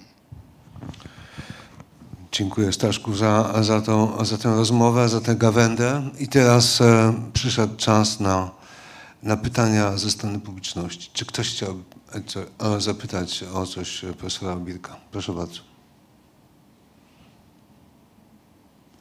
Ja chciałam zapytać, dlaczego hierarchia niemiecka Proszę poczekać. Ja chciałam zapytać, dlaczego hierarchia niemiecka zdobyła się na tego rodzaju postawę, a w Polsce e, nie możemy nawet myśleć o tym, bo nie wiem właśnie dlaczego. Czyżby chodziło o zapóźnienie cywilizacyjne tylko i wyłącznie? Y, nie tylko. Ja myślę, że y, no, obaj y, z Adamem jesteśmy Polakami, pracujemy na uniwersytetach polskich i obaj nie mamy poczucia jakiegoś zapóźnienia cywilizacyjnego. Myślę, że jesteśmy w domu i w Berlinie, i w Heidelbergu, i w Nowym Jorku, czy w Paryżu, czy w Rzymie. To znaczy, to jest kwestia, mm, jak Kiedyś to się mówiło apartamento Polako. To znaczy, jak Jan Paweł II był papieżem, to tak naprawdę o kościele globalnym e, decydowali Polacy, którzy się znajdowali w Rzymie. Ich nazywano właśnie takim apartamento Polako. I sądzę, że polscy biskupi w zdecydowanej większości to są dzieci tego apartamento Polako. To znaczy takiego właśnie zgrzebnego katolicyzmu, żeby broń Boże krytyczna myśl nie zaszkodziła dobremu samopoczuciu tej grupy. Natomiast Kościół niemiecki jest, y, katolicyzm niemiecki jest y, szlifowany od 400 lat partnerską obecnością kościołów protestanckich.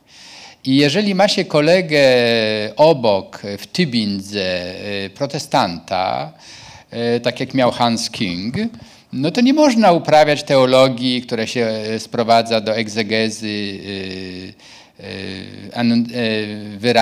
wypowiedzi watykańskich, tylko trzeba krytycznie czytać na przykład Pismo Święte, trzeba krytycznie czytać filozofię współczesną i tak dalej. I, I, myślę, że duch katolicyzmu niemieckiego jest właśnie takim duchem wyrosłym z dialogu, z partnerskiej rozmowy z ludźmi, którzy nie podzielają moich poglądów.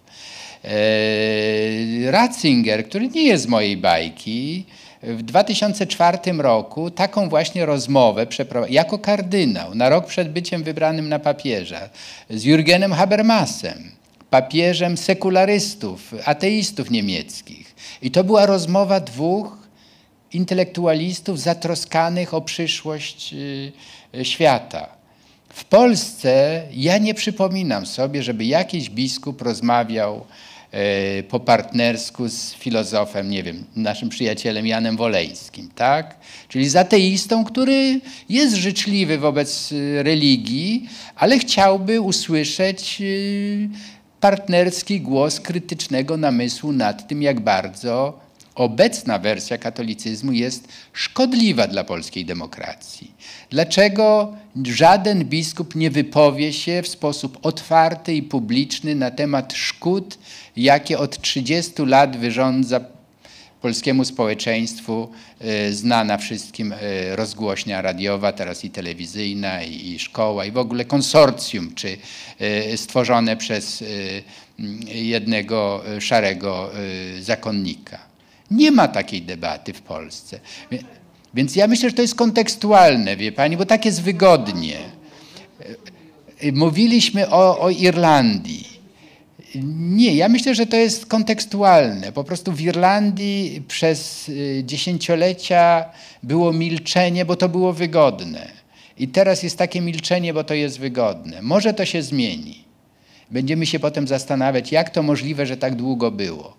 Ale w tej chwili to jest czysty koniunkturalizm, to jest antyintelektualizm i to jest y, konformizm po prostu. Konformizm i niechęć wychylania się przed szereg. Tak ja to oceniam.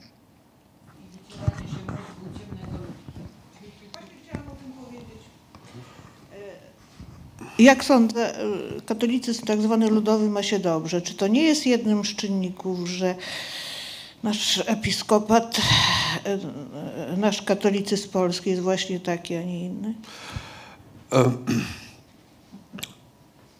Ktoś tu użył terminu ciemnego ludu?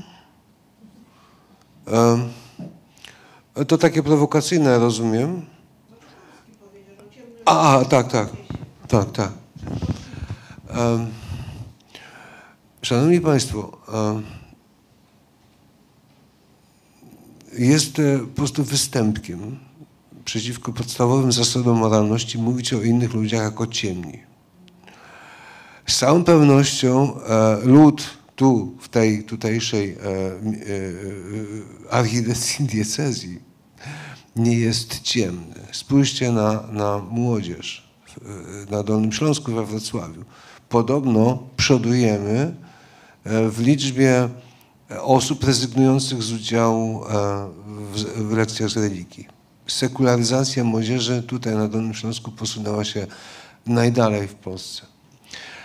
Czy to być może skutek e, tego, że kardynał, który zarządzał tą, e, tym, to, tym arcybiskupstwem przez długie dziesięciolecia, E, zmarł i, jego pamięć jest teraz zacierana ze wstydem, albowiem e, ujawniono bardzo e, nieprzyjemne rzeczy o, o jego o dziełach. Nie wiem, nie sądzę, aby to była jakaś taka relacja wynikania czy ścisłego związku.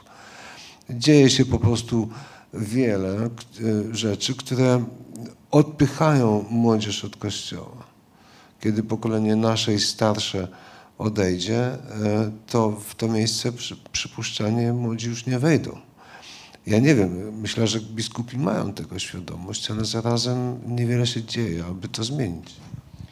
Myślę, że nie mają pomysłu po prostu. To jest bardzo.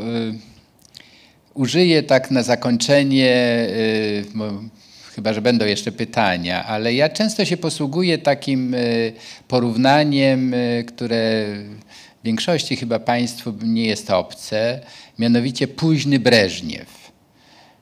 Pamiętacie Państwo, no wszyscy widzieliśmy, że, że system się za, za, zapada że sami komuniści tracą wiarę w ten system. I, i dla mnie ta mm, teoria, którą usłyszałem od Paul Hol, jeśli dobrze pamiętam, taki węgierski dysydent, y, przez wiele lat pracujący potem w Stanach, zmarł przed kilku laty, Holender bodajże.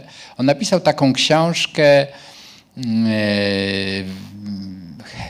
chęć władzy i utrata wiary, chyba coś takiego to było. W każdym razie jego teza była taka, kiedy słuchałem jego wykładu, że dlaczego system sowiecki się, czy komunistyczny się zapadł? No bo komuniści utracili wiarę w jego przyszłość.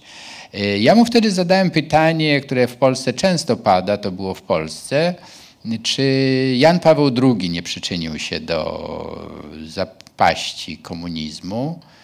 Mm, On mówi, z tego co ja widzę, analizując źródła, y, Jan Paweł II może miał jakąś rolę w Polsce w sensie podtrzymania ludzi na duchu, ale on nie miał żadnego wpływu na to, co się działo w, w systemie mm, y, sowieckim, bo po prostu bez Gorbaczowa żadnych zmian by nie było. Eee, W każdym razie myślę, że potrzebny jest Gorbaczow w kościele. Nie ma na razie Gorbaczowa. Wszyscy się boją o to, co pomyśli Breżniew. Eee, Jest jakiś taki lęk przed eee, zakłóceniem spokoju właśnie temu truchłu, którym jest y, dla mnie Kościół dzisiaj. To jest, y, y, niby to istnieje, niby to ma bardzo dużo wpływu na życie codzienne, Polek zwłaszcza, natomiast w sensie intelektualnym to jest absolutnie sterylne. Tam nie ma żadnej twórczej myśli. Wszystko, co ciekawego się dzieje w kościele, w Polsce, czy to w kulturze, czy nawet w religii, to się dzieje poza kościołem. Więc y, myślę, że ci ludzie nie wiedzą o tym. Oni żyją w tej bańce informacyjnej, w swoim świecie. I to musi się zapaść i dopiero wtedy może przyjdzie jakiś, jakiś Gorbaczow, który, który mówi, no tak, trzeba po tym pozamiatać. Ale żeby nie kończyć tak minorowo, ja jednak lubię mm, naturę. I proszę sobie wyobrazić, że to jest ta gąsieniczka, która obumiera i z której e, obaj mamy kontakt z młodzieżą, właśnie wylecą te wspaniałe motyle, które w ogóle nie będą żyły naszymi problemami. Ja mam jeszcze takie pytanie troszeczkę właśnie też na, e, w odniesieniu do mm, młodzieży mm, poniekąd. E, Czy ich funkcjonowania w tej e, sferze wirtualnej czy internetowej, bo ja stosunkowo niedawno zetknąłem się z takim zjawiskiem e, z tego uniwersum memów, a mianowicie memów związanych właśnie z Janem Pawłem II. I tak już abstrahując od tego, że one niekiedy estetycznie czy też etycznie mogą być bardzo mm, różnie przyjmowane. Natomiast zastanawiam się, mm, i to jest podejrzewam dłuższa sprawa, bo mm, no, tu można pewnie długo rozmawiać na temat y, tego, czy one są i w jaki sposób są zasadne. Natomiast zastanawiam się, czy to nie świadczy jakoś też o tym, że pewne rzeczy już przełamujemy, że zaczynamy wychodzić y, i z tego kultu y, JP2 i i jeżeli już potrafimy się z tego śmiać, jak ja mówię, abstrahując od tego, na jakim czasem poziomie jest ten śmiech, bo czasami jest taki dosyć y, po bandzie, że tak się wyrażę, to czy to nie jest jakiś znak, jakiś znak czasów jednak w tym, w tym wypadku i co pan profesor w ogóle sądzi na temat tej, tej sfery? No ja się tu odwołam do mojego młodszego kolegi, bo Artur jest kilkanaście lat ode mnie młodszy i ma taką y, śmielszą wizję przyszłości. On dokładnie by się z panem zgodził. To znaczy Artur twierdzi, że my jesteśmy my, to znaczy starsi od niego, że my jesteśmy ostatnim pokoleniem, których to w ogóle interesuje że młodzież to rzeczywiście już traktuje jako żart. Ta słynna 21.37 to jest właśnie okazja do, do żartów i tak dalej. Mnie to by do głowy nie przyszło, mimo że od początku byłem krytyczny wobec Jana Pawła II, jego, jego kult. Nawiasem mówiąc, byłem e, mm, w, poniedziałek na otwarciu wystawy e, Umarła klasa Daniela Rycharskiego. To jest taki bardzo ciekawy artysta, e, bohater filmu e, Wszystkie nasze strachy. Może Państwo kojarzycie taki gej katolicki, który no, tworzy trochę w kontrze do, do homofobicznej polskiej wsi, która wcale taka homofobiczna nie, nie była. E, I, teraz ta właśnie homofobiczna e, propaganda e, mediów pisowskich niestety to zmieniła. W każdym razie to jest wystawa do 18 stycznia otwarta w Warszawie na temat odchodzącej klasy rolniczej czy, czy kultury ludowej. No ale na tej wystawie jest cudowny eksponat, poruszający. To jest y, w oparciu o żywy pierwowzór, y, taki cielaczek piękny, który jest złotym cielcem. I to jest bardzo ciekawe. Y, artysta zresztą powołuje się na mnie jako autora tej metafory biblijnej. To nie jest moja, bo to jest biblijna, no ale w każdym razie bardzo mi było miło, że dlatego mnie zaprosił na otwarcie tej wystawy. Ale już nawet w, do sztuki on wchodzi. No była e, też sztuka w, w, Teatrze Powszechnym, gdzie właśnie w ogóle się pojawia ten, e, nie tylko memy właśnie z czasem wątpliwą estetyką, ale to się staje istotny punkt odniesienia. E, Jan Paweł II jako obiekt wyobraźni zbiorowej. I co my z tym robimy? Myślę, że, że nasze pokolenie, może Pana pokolenie, my się jeszcze tym zajmujemy, ale dla, dla, dla naszych studentów, dla młodzieży to już, to już nie jest e, istotne jako ich punkt odniesienia, tylko może jako żart. Stąd może ta estetyka czasem po bandzie, jak Pan mówi. Właściwie zatem z osobami młodszymi troszkę o pokolenie, z którymi pracuję i dla mnie było to, z jednej strony zgadzałem się jakby z przekazem, z drugiej strony miałem problemy z formą, tak? tak. Ja, ja, zanim e, kolejna osoba zabierze głos, chciałem tylko powiedzieć, że e, zauważyłem memizację Jana Pawła II wśród teologów amerykańskich katolickich. Oni się bawią tym, co mnie e, zaskoczyło, bo to są poważni ludzie z, z doktoratami, ale okej, okay, proszę bardzo. E, ja mam mm, takie e, pytanie, bo ja się wychowałem w rodzinie e, tak rozsądnie, ale wierzącej. Przez kilkanaście lat też służyłem jako lektor, więc ja ten kościół też, który profesor opisuje, poznałem od, od podszewki i te mechanizmy i te rzeczy, które, które brzydzą, to, to, to tak jakby... Mm, to jest tak, że y, kiedyś o tym, zanim trafiłem do kościoła właśnie też od strony zakrystii, to się tak myślało, że, że to, jest, to się gdzieś tam zdarza jednostkowo, bo tak to było przedstawiane, a to rzeczywiście taki jest y, system. I yy, ja, ja z tego jakby też z tym kościołem jest mi nie po drodze już od, od długiego czasu do niego. W ogóle nie, nie chodzę i, i jakby śni mi się w najgorszych e, koszmarach. Mój proboszcz, z którym wielokrotnie w jakieś tam dyskusje się wdawałem, że uważam, że nie, nie powinien krzyczeć na ludzi w zakrystii, nie wiem, na młodszych ministrantów czy coś takiego.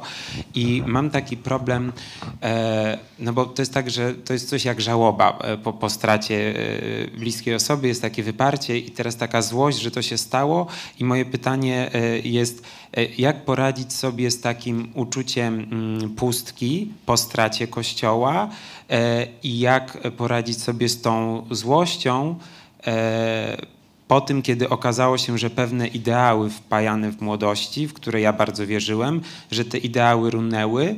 Więc jak poradzić sobie z tą, z tą pustką, z tą złością i z takim poczuciem wstydu, że swoją osobą legitymizowało się taki system, który no, miał piękne ideały na, na ustach, a w praktyce był zupełnie inny. I, i jak sobie z tym poradzić? Ja też mam. Mm, taki problem z tym, dlatego że widzę właśnie, jak to inaczej wygląda już pokoleniowo, mimo już nie jest to duża różnica między mną a, a moją siostrą, która jest 10 lat młodsza i ona właśnie w ogóle tych moich rozterek nie rozumie. Dla niej właśnie tu poruszony temat Jana Pawła II, to jest y, no, jej konwersacja klasowa nazywa się kremówkowo i tam zawsze o 21.37 się toczą jakieś dyskusje i to jest w ogóle temat do żartów, gdzie dla mnie, mimo już od kościoła odciąłem się tak bardzo grubą linią, to myślę, że żeby no, nagrywać się jakoś z Jana Pawła II była jeszcze niedawno w ogóle nie do przyjęcia, bo wychowałem się w takim, e, w takim kodzie kulturowym. Więc to, to jest to moje pytanie o tą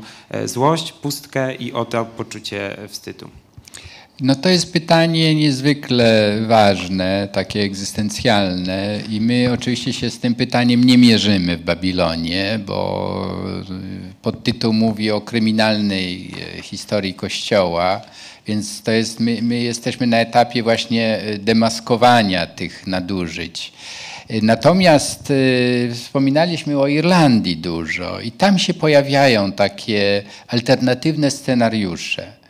Więc te pytania myśmy zadawali z Arturem e, Irlandczykom, z którymi rozmawialiśmy i taką wspaniałą e, partnerką do rozmów jest e, Mary McLeese. Mm, może Państwo kojarzycie, ona była drugą po Mary Robinson prezydentką Irlandii. Obie były katoliczk, są katoliczkami. I obie y, zasłynęły, zwłaszcza McLeese, bo to była, ona była prezydentką, jeśli dobrze pamiętam, na początku y, lat 2000.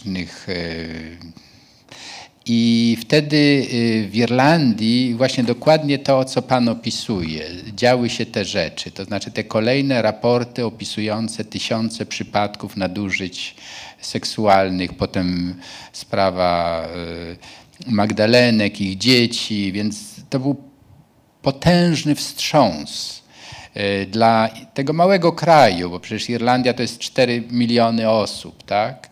I, i nagle to, co było ich życiem, runęło w, w, w zgliszczach. Stało Przy, się... Przypomnij te dane, które zamieszczacie w książce.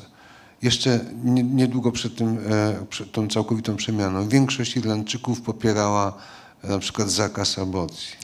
Niedługo Nie. potem. No. Y, znaczy to są takie rzeczy, że może takie dwa obrazy. Y, rok 79 to jest właśnie ten triumfalny przyjazd Jana Pawła II do Polski w czerwcu.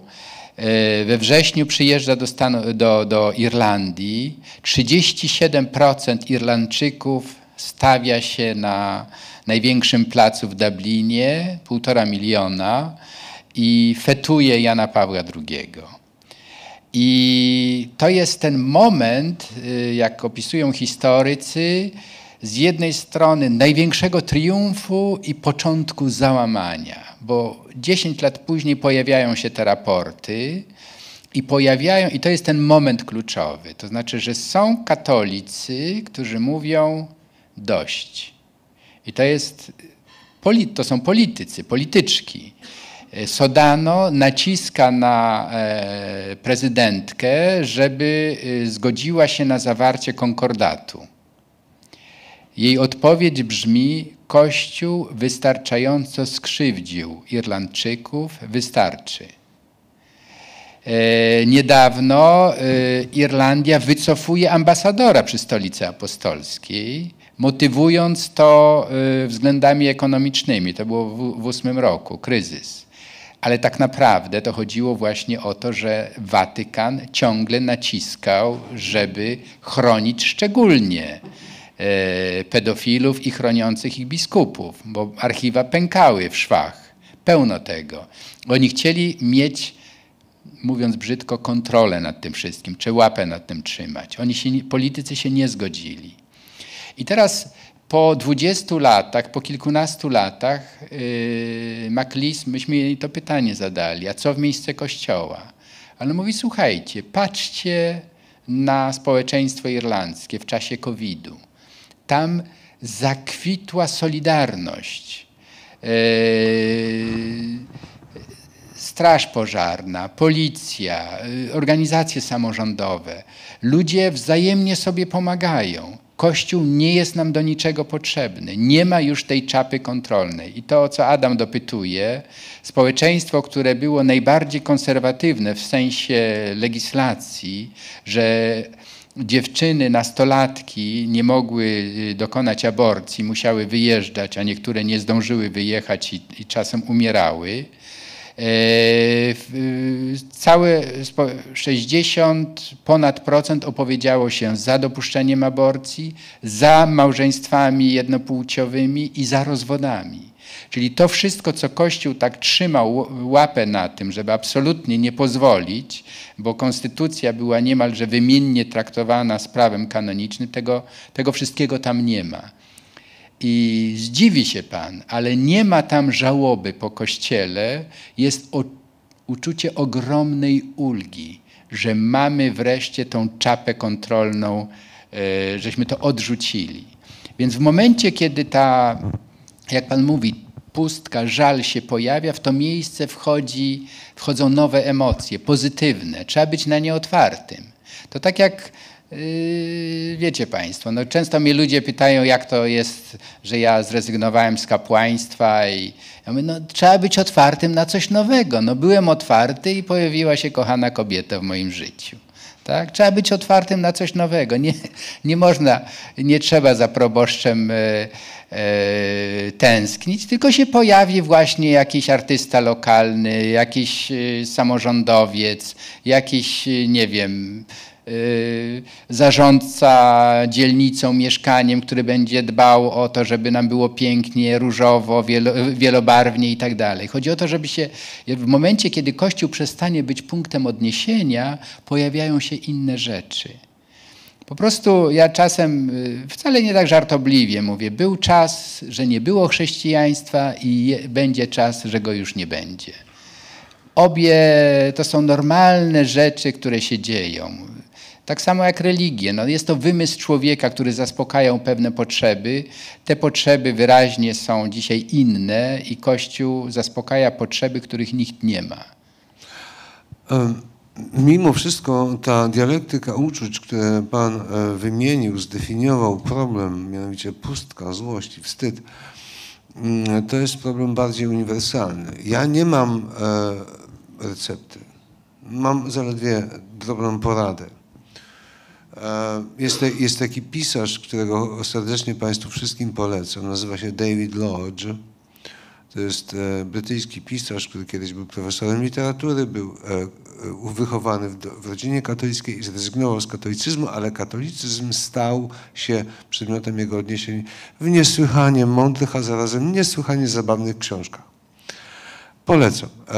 Jedną z tych książek, gdzie podejmuje ten temat, jest e, książka pod tytułem Paradise News, czyli Wiadomości z raju.